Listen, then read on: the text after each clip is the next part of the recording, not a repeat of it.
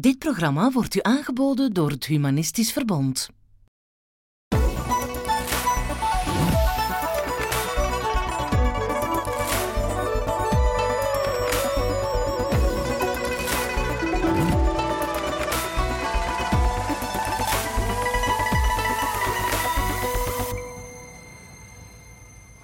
Welkom bij een nieuwe Helder Verlicht. Met vandaag een onderwerp dat in ons land nog niet zo lang wettelijk mogelijk is: euthanasie.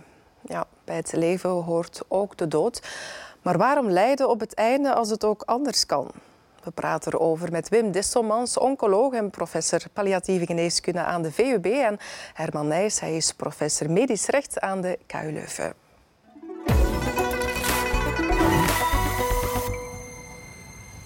Welkom, heren. Goedendag. Hallo. Meneer Distelmans, ik zei het daarnet ook, de wet op euthanasie bestaat nog niet zo lang, sinds 2002. En ja, als u er niet was, was er wellicht ook nog geen sprake van geweest. Wat dreef u? Wat, waarom vond u het zo belangrijk dat er een wet moest komen? Wel, ik ben van oorsprong uh, oncoloog, uh, kankerspecialist. En toen ik mijn opleiding kreeg, toen ging ongeveer de helft van mijn patiënten dood. Uh, en daar werd weinig of niks voor gedaan. En toen uh, hebben wij het initiatief genomen van met een aantal mensen palliatieve zorg te introduceren in België. En uh, dat ging vrij goed. We hebben dat vrij goed georganiseerd. We staan denk ik aan de wereldtop wat betreft palliatieve zorg. Maar na een tijdje merkten we dat ondanks die perfecte palliatieve van welke zorg... tijd spreken we dan, die palliatieve zorg? We spreken zorg? van eind 90. Ja. Dus 1990 vorige eeuw. -huh. Uh, ondanks die goed georganiseerde palliatieve zorg waren nog altijd mensen waar we eigenlijk weinig of niks voor konden doen. Die dus ondraaglijk bleven lijden en die uh, voor mij mag het stoppen, voor mij is het genoeg geweest.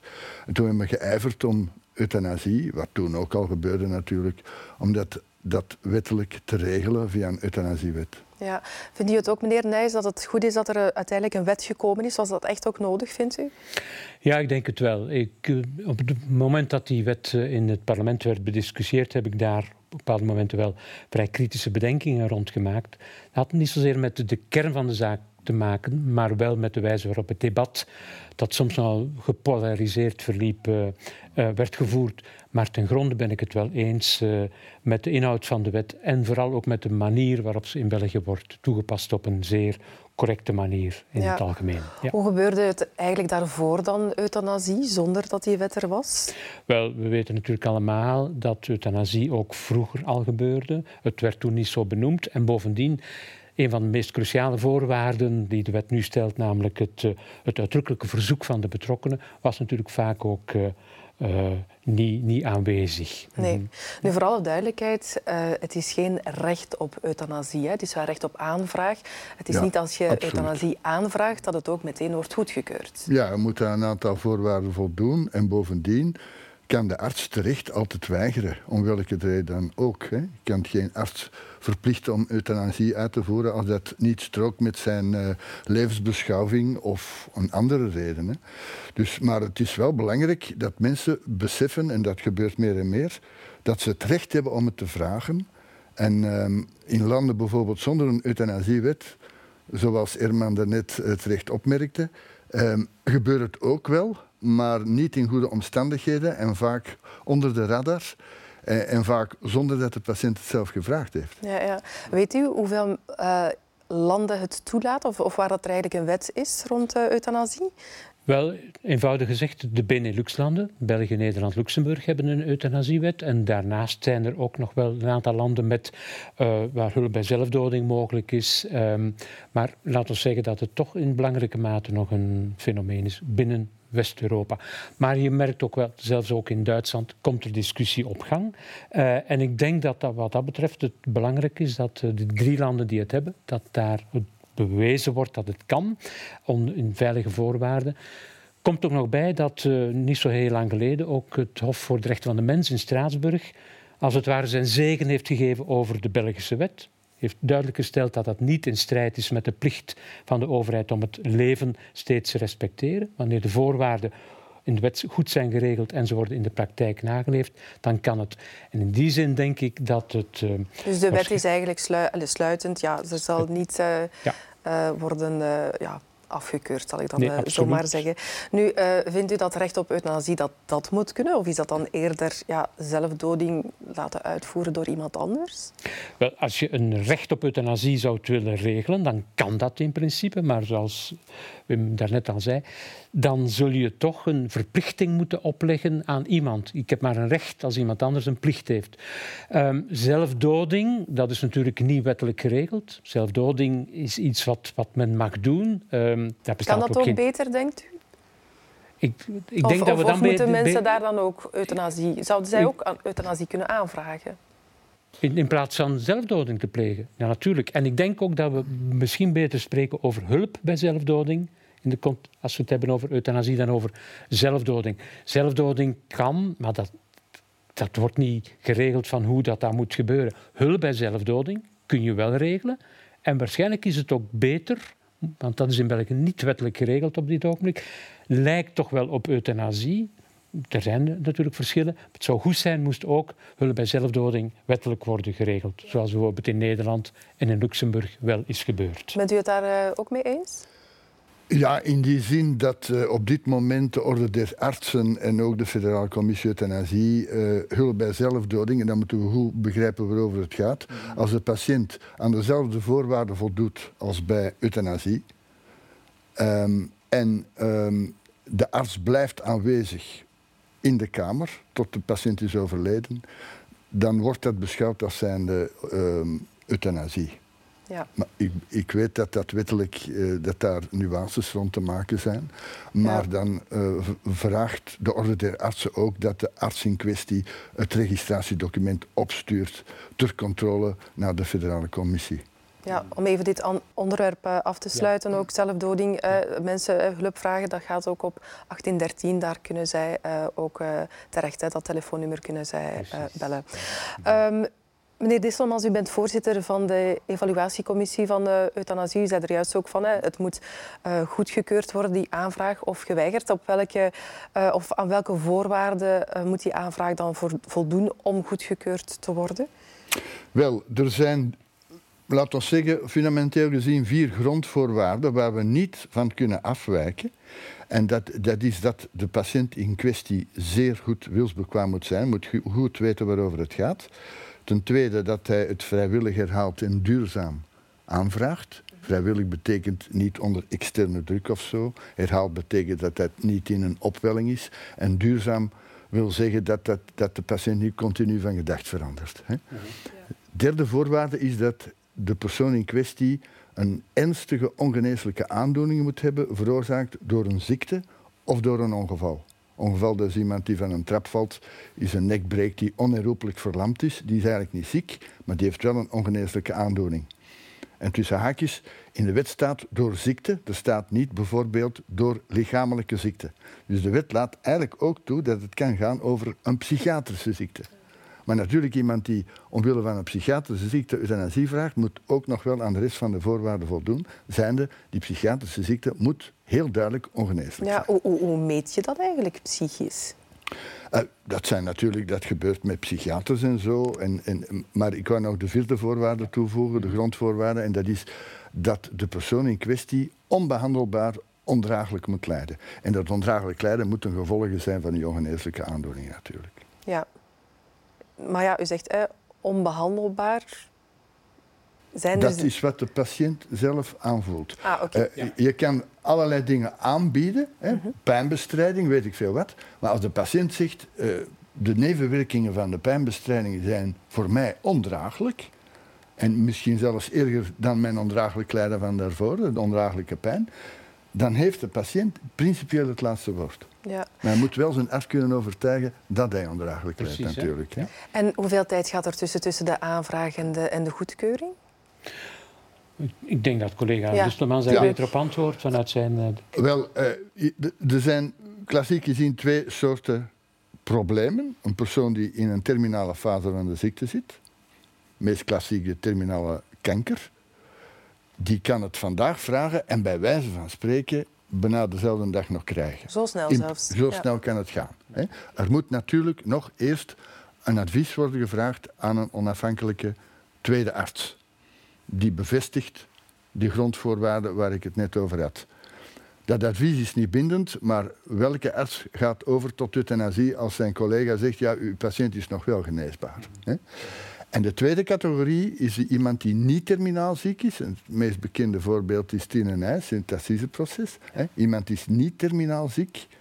Dan moet er niet alleen een tweede arts een advies geven, maar ook nog een derde. En die derde arts die moet specialist zijn van de ongeneeslijke niet-terminale aandoeningen. In het geval van een psychiatrie is dat dus een psychiater. Of het mag altijd een psychiater zijn.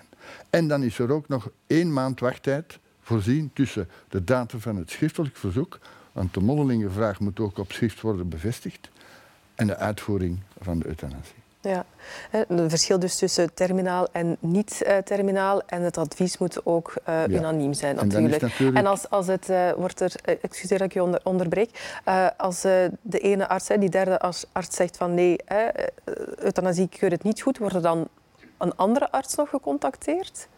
Nu noodzakelijk? Nee, maar keur het niet goed. Hij moet gewoonweg oordelen over de voorwaarden van de wet. En hij geeft een advies. Een advies, hè? Ja. Hij moet niet goedkeuren. Hij moet, niet hij moet een advies geven. Ah nee, oké. En het is de verantwoordelijkheid van de behandelende arts, de uitvoerende arts, om dan in te gaan op dat advies of niet. Maar natuurlijk, als de collega zegt, volgens mij zijn er nog allerlei mogelijkheden, die patiënt is nog geneesbaar, dan gaat die arts niet overgaan. Er wordt eigenlijk niet licht overgegaan. Precies. Ja. Absoluut. Ja. Want de wet zegt niet, het is bindend, wat ook niet moet. Hè. Het is een advies. Ja. Maar als dat serieus een ernstig advies is, zal dat worden gevolgd. Ja. Want mhm. wat ik in de media uh, onlangs gelezen heb, is dat er een, een, een, vrouw van 89 in een woonzorgcentrum uh, mm-hmm. verkracht geweest is door iemand die daar is binnengedrongen. Uh, en daar stond in de media van, de vrouw heeft euthanasie aangevraagd en een week later gaat de euthanasie uitgevoerd worden. Mm ja. Is dat enkel dan ja, door die verkrachting? Of, of... Dat heeft natuurlijk niks met die verkrachting te maken. Hè. Dus die aanvraag was al lopende. Die dame die had al een procedure van euthanasie opgestart. En dat is toevallig samengevallen met die, uh, met die verkrachtingen. Ja, maar gebe Zou een beetje dwaas dat... zijn, moest nu in de publieke opinie de idee postvatten dat omwille van verkrachting iemand euthanasie kan aanvragen en krijgen in dit land. Hè. Daar gaan ze geen advies geven, de dokter van... Uh, Ja, daar gaan ze eerder eerst allez, hulp voorstellen. En... Dat zou wel kunnen, op termijn natuurlijk. Hè? Uh, als men na x tijd vaststelt dat die, die persoon in kwestie Precies. met een onverwerkt rouwproces zit of een posttraumatisch stresssyndroom. Maar dat vraagt natuurlijk tijd. Hè? Ja. En hoe zit het eigenlijk als ik uh, nu zeg van, stel je voor, ik heb een, uh, een ongeval en ik, ik, ja, daarachter ben ik gewoon een plant. Mm -hmm. uh, geef mij een spuitje, kan dat? Wel, kijk, de wet regelt, zoals collega Distelmans al heeft gezegd, het verzoek. Daarnaast is ook nog euthanasie mogelijk op basis van wat we noemen een wilsverklaring. Een voorafgaande wilsverklaring die je opstelt op het moment dat je dat nog kunt, voor het geval je niet meer in staat bent om een, om een verzoek te uiten. Dan laten we het inderdaad ook euthanasie toe, op voorwaarde dat je onomkeerbaar buiten bewustzijn bent. Dat is een eerder ja, heel strikte voorwaarde. Comateuze wel, toestand? Ja, een, een, ja, langdurige coma, hè, maar dus waar heel veel mensen aan denken, namelijk dementie, wat verder gevorderd stadium van dementie, valt daar eigenlijk uh, niet onder. Dus ah. dat, wat dat betreft zitten we met een wet die zeer, die bewust denk ik in 2002 eng werd ingevuld. Als je dat vergelijkt met Nederland bijvoorbeeld, daar is dat ook mogelijk. Daar maakt de wet geen onderscheid wat de voorwaarden betreft tussen dat verzoek, dat je nog kunt uiten, en die wilsverklaring. En dat is toch, denk ik, uh, goed van daar ook een keer een debat over te hebben um, om dat eventueel aan te passen. Ja, want ja. mensen denken foutief. Ja, maar Hugo Claus die, die had toch Alzheimer en heeft toch euthanasie gekregen. Maar Hugo Claus wist heel goed dat als hij dement zou geworden zijn, dat het niet meer kon, zelfs al had hij het opgeschreven in wilsverklaring euthanasie. Dus wat heeft Hugo Claus gezegd? Dan vraag ik het vooraf te vroeg. Nu ik het nog kan. Nu ik het nog het. kan. En ik ja, ga niet wachten tot ik het niet tot meer... Ik, tot ik dement ben. Ik ga ja. nu voor dat ik dement... Dus als eigenlijk mensen de diagnose krijgen van eh, dementie, ja. gaan ze eigenlijk... Eh, ze kunnen dan een aanvraag doen, maar dan mogen ze niet wachten tot dan ze volledig dement zijn, want dan, gaat het dus, dan lukt het dus niet meer. Onlangs hadden we ook het, in de serie Restaurant Misverstand iemand die daarin participeerde, mm -hmm. die meekookte, die, die was jong dement en die heeft het ook te vroeg moeten vragen. En er is geen andere oplossing voor? Of wat stellen jullie voor? Want ja, dat is een heel moeilijk... Een eh. De oplossing is dat men Ja. de voorwaarden, die nu zeer strikt is, namelijk onomkeerbaar buiten bewustzijn, dat men die versoepelt, eventueel dezelfde voorwaarden stelt als voor een verzoek, zoals in Nederland, en het dan eh, op die manier verruimt en opnieuw aan artsen overlaat om te beoordelen of de wettelijke voorwaarden zijn vervuld. Ja, en wat ik me dan afvraag, ehm, wanneer ga je dan juist die euthanasie uitvoeren, als de wet dan goedgekeurd wordt, bij die mens met dementie? Of is het dan aan de familie om te beslissen? Want Er moet natuurlijk ook in dat geval altijd een geldig verzoek zijn. Hè? En, en dat, da- daarmee start het. En als er zo'n verzoek is, en als medisch gezien de voorwaarden van die de wet stelt vervuld zijn, dan kan. En natuurlijk, de betrokkenen kan het zelf niet meer vragen, maar er is wel een verzoek, geldig verzoek, geldige wilsverklaring. En dan zal het aan de arts, familie. Je kunt ook een vertrouwenspersoon aanduiden in zo'n wilsverklaring. Ja, maar Die moet persoon hij dan een kan dan tijd het zijn aan- geven om te zeggen, nu kan euthanasie worden toegepast. Ja, maar moet hij dan een tijd aangeven? Die, die persoon met de- dat- dementie dan, hè? Wel, dan je eh, zou dat kunnen preciseren in die wilsverklaring. Hè? Be- Ja. Bijvoorbeeld zou je kunnen schrijven... wanneer ik gedurende een maand mijn omgeving niet meer herken of zoiets... dan mag euthanasie worden uitgevoerd. En dan de mensen die daar minder voor te vinden zijn... die geven altijd als tegenargument... maar stel dat je dan op dat moment op een terrasje in de zon een ijsje zit te eten... dan ga je toch geen arts vinden die dat wil doen. En dat klopt. Je gaat geen arts vinden die dat zal doen.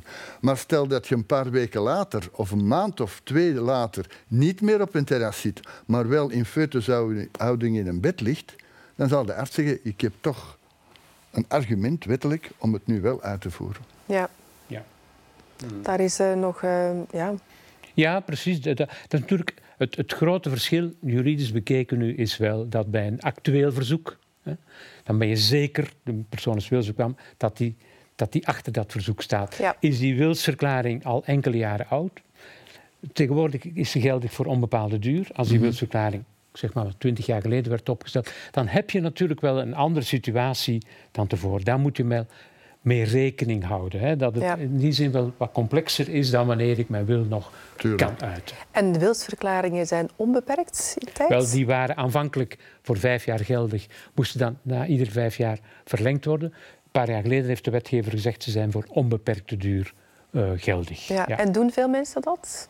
Ja, absoluut. Ik denk het wel, ja. Dat, het- het er zit een verpletterende meerderheid in de bevolking die vindt dat de wet op dat punt zou moeten worden uitgebreid. Ja. Meer dan 80% van de mensen zou dat willen.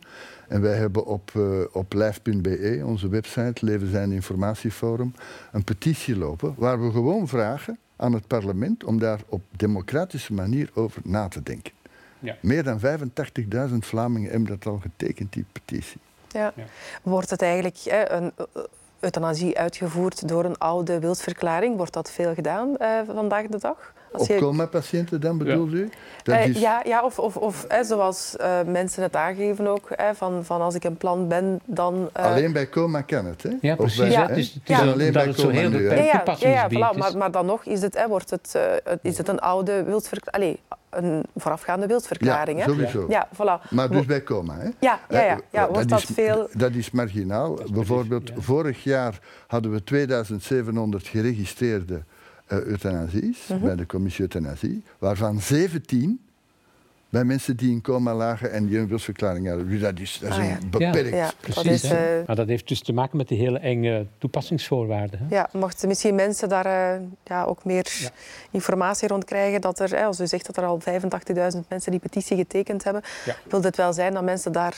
Ja, zijn daarmee daar- bezig. Hè? Ja, dat leeft ja, sterk absoluut. in de Ja. bevolking. En eh, het is niet beperkt tot dementie. Eh, ik bedoel, bij Nee, nee. dementie kan je dan nog, zoals Hugo Claus zeggen, oké, ik vraag het te vroeg, maar stel dat je ineens wilsonbekwaam wordt door een hersenbloeding, dan heb je zelfs de kans niet meer om het te vroeg te vragen, want morgen kan je een hersenbloeding hebben en vanaf dan wilsonbekwaam zijn geworden, zonder dat je in coma ligt.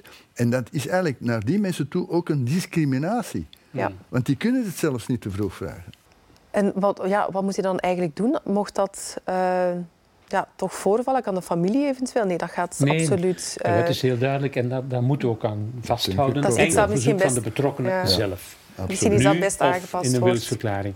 Niet over, ik- want dan krijgen we problemen, denk ik, met, eh, het Hof in Straatsburg, rechten van de mens. Als je dat zou toelaat op verzoek van iemand anders, dan zie je het toch wel ja. ja. Nee, waar zijn we dan uh, misschien mee bezig? Je voorstellen dat er misbruiken. Ja, absoluut. Ja, uh, dat wat uh, volwassenen betreft, hoe zit het eigenlijk met minderjarigen? Wel, aanvankelijk, wel, om te beginnen, de wet laat het al toe van in het begin op de zogenaamde ontvoogde minderjarigen. Die kent u waarschijnlijk niet, hè. dat bestaat ook bijna niet meer. Een ontvoogde minderjarige was bijvoorbeeld iemand die, die gehuwd was als minderjarige, met, met uitdrukkelijke toestemming van. Dat komt bijna niet meer voor. Maar dat was dus toen wel nog. En dat is de, maar de echte minderjarigen, daar is het pas mogelijk geworden door een wetswijziging in 2014. Er is geen leeftijdsgrens. In Nederland is het vanaf 12 jaar. Hier heeft men gezegd, de leeftijd is niet, is niet belangrijk. Wel de feitelijke wilsbekwaamheid van die minderjarigen. En dat kan dan eventueel 12 jaar zijn, maar het is niet omdat iemand 14 is dat het automatisch is dat hij. Dus je moet dat per, van geval tot geval gaan beoordelen en de belangrijkste beperking is dan dat het, gebeur, dat het enkel kan wanneer het gaat over een fysieke, fysiek lijden. Maar als het kind het alleen zegt van ik wil het, is het genoeg? Of moeten de ouders ook toestemming geven? Belangrijke vraag. Inderdaad, de ouders moeten ook nog een fiat geven. Persoonlijk vind ik dat als jurist een beetje vreemd. Het uitgangspunt is dat de minderjarige het kan als hij wilsbekwaam is. Als dat zo is, ook, en de wet zegt uitdrukkelijk dat het door een psychiater of een psycholoog moet worden nagegaan. En dat advies is wel bindend. dat, dat, is een uitzondering op hetgeen wat we straks hebben gezegd, wat ook wel een beetje begrijpelijk is. Dus men moet echt wel bijna zeker zijn dat die minderjarige wilsbekwaam is. Maar als dat zo is, dan erkennen we dat hij een geldig verzoek kan doen. En dan zou het, het verzoek van de minderjarige moeten volstaan. De wet voegt er nog aan toe dat de beide ouders ook nog akkoord moeten Oké, en dus enkel ook het fysieke, niet het psychische lijden. Ja, oké, dat is ook een, uh, een verschil. Ja. Um... En ook niet op basis van een wilsverklaring bij de minderjarigen, omdat daar het probleem van dementie of, uh, zich minder zal stellen. Ja. Dat is ook nog een onderscheid. Ja. Okay. Nee, dat is waardevol dat die wet is aangepast. Uh, omwille van discriminatie natuurlijk, naar wilsbekwaam minderjarigen toe. Maar in de praktijk zijn er nog maar vijf gevallen geweest vanaf 2014 tot nu. Gelukkig, hè? Ja. Gelukkig, uiteraard. absoluut. Dat is erg beperkt. Nee, nee. Uh, nog even iets over uh, palliatieve sedatie, want wat is het verschil daar met uh, euthanasie? Wel, het fundamentele verschil is, palliatieve sedatie is een techniek die wordt toegepast op het einde van het leven bij mensen die onbehandelbaar ondraaglijk lijden. En die techniek bestaat erin dat men de mensen dus kunstmatig in slaap houdt, kunstmatig in coma brengt en dat kunstmatige coma volhoudt totdat de persoon in kwestie spontaan overlijdt van de aandoening, van de ziekte. Spontaan. Spontaan. Hè. Dus het is niet de bedoeling, het is geen levensverkortende techniek. Heel duidelijk. Hè. Dat is al een groot verschil met euthanasie, waar op vraag van de patiënt het leven wordt beëindigd. Bij palliatieve sedatie kan het uiteraard ook op vraag van de patiënt, maar er blijkt uit onderzoek dat in 90% van alle palliatieve sedaties de arts beslist tot palliatieve sedatie. Ik wil ervan afstand doen. Dat komt waarschijnlijk omdat in veel gevallen de arts niet meer kan overleggen met de patiënt om hem te sederen. De patiënt lijdt te veel, is niet meer aanspreekbaar. En dan zou het eh, totaal onbegrijpelijk zijn, moest de arts niet mogen ingrijpen ten gunste van de patiënt. Maar 90% is veel. En 90% dat betekent dus dat bij palliatieve sedatie de arts aan zet is. En bij euthanasie is in feite de patiënt aan zet. Want als de patiënt niet vraagt, kan de arts het niet doen. En dan moet ik u waarschijnlijk geen tekening maken als ik u uitleg dat artsen liever palliatief sederen, omdat ze in hun comfortzone blijven. Ja, door ook de verschillende cases die er tegenwoordig ook uh, geweest zijn de afgelopen jaren van dokters die ja, aangeklaagd werden. Ja. Bestaat nu de vrees dan niet dat ze dan meer gaan kiezen voor palliatieve sedatie? Ja, inderdaad, hè, dat, eh, dat is zo. Dat uh, is het effect geweest van het uh, arrest waar u al naar hebt verwezen. Um, en daar zou de wetgever, denk ik, ook iets aan moeten doen. Het feit dat er moeten allerlei voorwaarden worden vervuld. De vier belangrijkste zijn, zijn al vermeld. Daarnaast zijn er nog een aantal minder belangrijke voorwaarden, meer van procedurele aard. Men moet praten met de familie de, die de patiënt het wenst. Bijvoorbeeld welke voorwaarden dan ook, als je er één daarvan niet respecteert, dan zegt de wet, dan heb je een doodslag, dan heb je moord gepleegd. Ook al heb je het verzoek en perfect uitgevoerd en alle, maar, maar omwille van één minder belangrijke voorwaarde kun je, dat is natuurlijk een, een weeffout, een belangrijke weeffout in de wet. Um, men wist dat eigenlijk wel, maar men had dat kunnen veranderen. Men heeft er dat, dat zou dringend moeten uh, veranderen, zodanig dat die rechtszekerheid waar artsen recht op hebben, dat die wordt uh, uh, hersteld. Ja, is het misschien een oplossing, want euthanasie moet geregistreerd worden. Mm -hmm. Is dat bij palliatieve sedatie ook zo het geval? Er moet of, niks of... geregistreerd, er moet ook geen tweede uh, advies worden gevraagd, wat ik jammer vind, want uh, het zou best zijn dat je een, een, een tweede advies verplicht zou vragen, zonder dat het advies verplicht is, maar verplicht een tweede advies vragen aan een, een lijfarts of een arts palliatieve zorg, omdat uit ervaring blijkt... Een lijfarts, kan u, sorry, kan u dat even Een, een lijfarts uitleggen? is een arts die wordt opgeleid in beslissingen bij het leven zijn. Niet alleen euthanasie, maar ook de andere beslissingen. Stoppen van een behandeling, niet meer opstarten, palliatieve sedatie enzovoort. Dus die mensen weten waarover het gaat en die kunnen hun collega's dus bijstaan. Nu, als je een, een advies vraagt aan een lijfarts of een palliatieve arts bij iemand die je zou willen palliatief sederen, dan gaan die misschien nog wel mogelijkheden hebben uh, waar die eerste arts niet aan heeft gedacht om het ondraaglijk lijden te verzachten zonder dat je die persoon direct in coma moet brengen. En dat is dus wat niet gebeurt. En bovendien ben ik ervan overtuigd dat palliatieve sedatie op dit moment een vluchtroute is voor artsen die zeggen, ja, het is niet allemaal conform de wet, dus ik ga niet in op die euthanasievraag. We gaan palliatief sederen. En ik zei het net al, palliatieve sedatie is niet de bedoeling van het leven te verkorten, maar in de praktijk kan men dat wel doen. Door de dosissen na een paar dagen drastisch te verhogen, naar de buitenwereld toe te zeggen, het is palliatieve sedatie, maar eigenlijk heeft men een levensbeëindiging zonder verzoek uitgevoerd. Ja. Dat is eigenlijk niet echt de bedoeling van de wet van euthanasie, denk ik. Hè? Absoluut niet, nee. Dat daar, nee, nee, nee. nee. Kan trouwens maar... elke arts een euthanasie uitvoeren? Ja, in principe wel. De wet zegt niet dat dat bijvoorbeeld een oncoloog moet zijn of een bijzondere opleiding voor moet gaan. Nee, ieder arts heeft, het recht, heeft de bevoegdheid om euthanasie uit te voeren. Ja. ja um, hoeveel mensen sterven er jaarlijks aan euthanasie? Aan euthanasie? Ja? Wel, we hebben alleen maar cijfers over de geregistreerde euthanasies. Het is niet verplicht om, om te... Jawel, het is verplicht ah, ja, okay, te registreren, want... maar ik kan me voorstellen dat sommige artsen ja. het niet doen.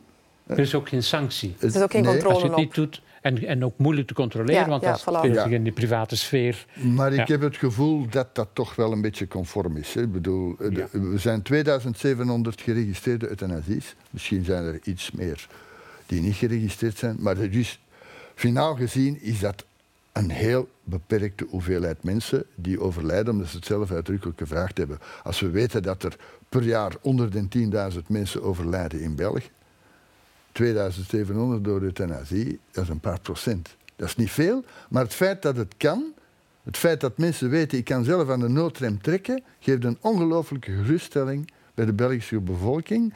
En de buitenlanders zijn jaloers op onze wetgeving. Meer en meer Mm-hmm. Buitenlanders komen naar België om hier euthanasie te kunnen krijgen, omdat in de Belgische wet niet staat dat je Belg moet zijn. Ja. ja. En nee, vanuit is, Frankrijk uh... bijvoorbeeld vanuit Frankrijk, uh, komen geregeld mensen naar hier. Dat zal nooit een euthanasie-toerisme zijn zoals nee. we dat vroeger kenden bij abortustoerisme naar Nederland. Mm-hmm. Omdat dat toen fitte jonge vrouwen waren. En euthanasie mensen, mensen die euthanasie aanvragen zijn meestal niet zo fit meer. Hè? Anders vraag je geen euthanasie. Nee, het is wel fijn eigenlijk om te weten dat we in België eigenlijk op het einde van ons leven niet hoeven te lijden. Dat er ja. dus een andere manier is ja, om ons leven eigenlijk, ja, of om vredig te kunnen sterven. Heren, dankjewel uh, voor dit uh, heldere gesprek. En u thuis bedankt voor het kijken. Fijn dat u weer bij ons was. Mocht u een aflevering van Helder Verlicht gemist hebben, u kan ze allemaal herbekijken op onze website. Dat is Heel graag tot een volgende keer.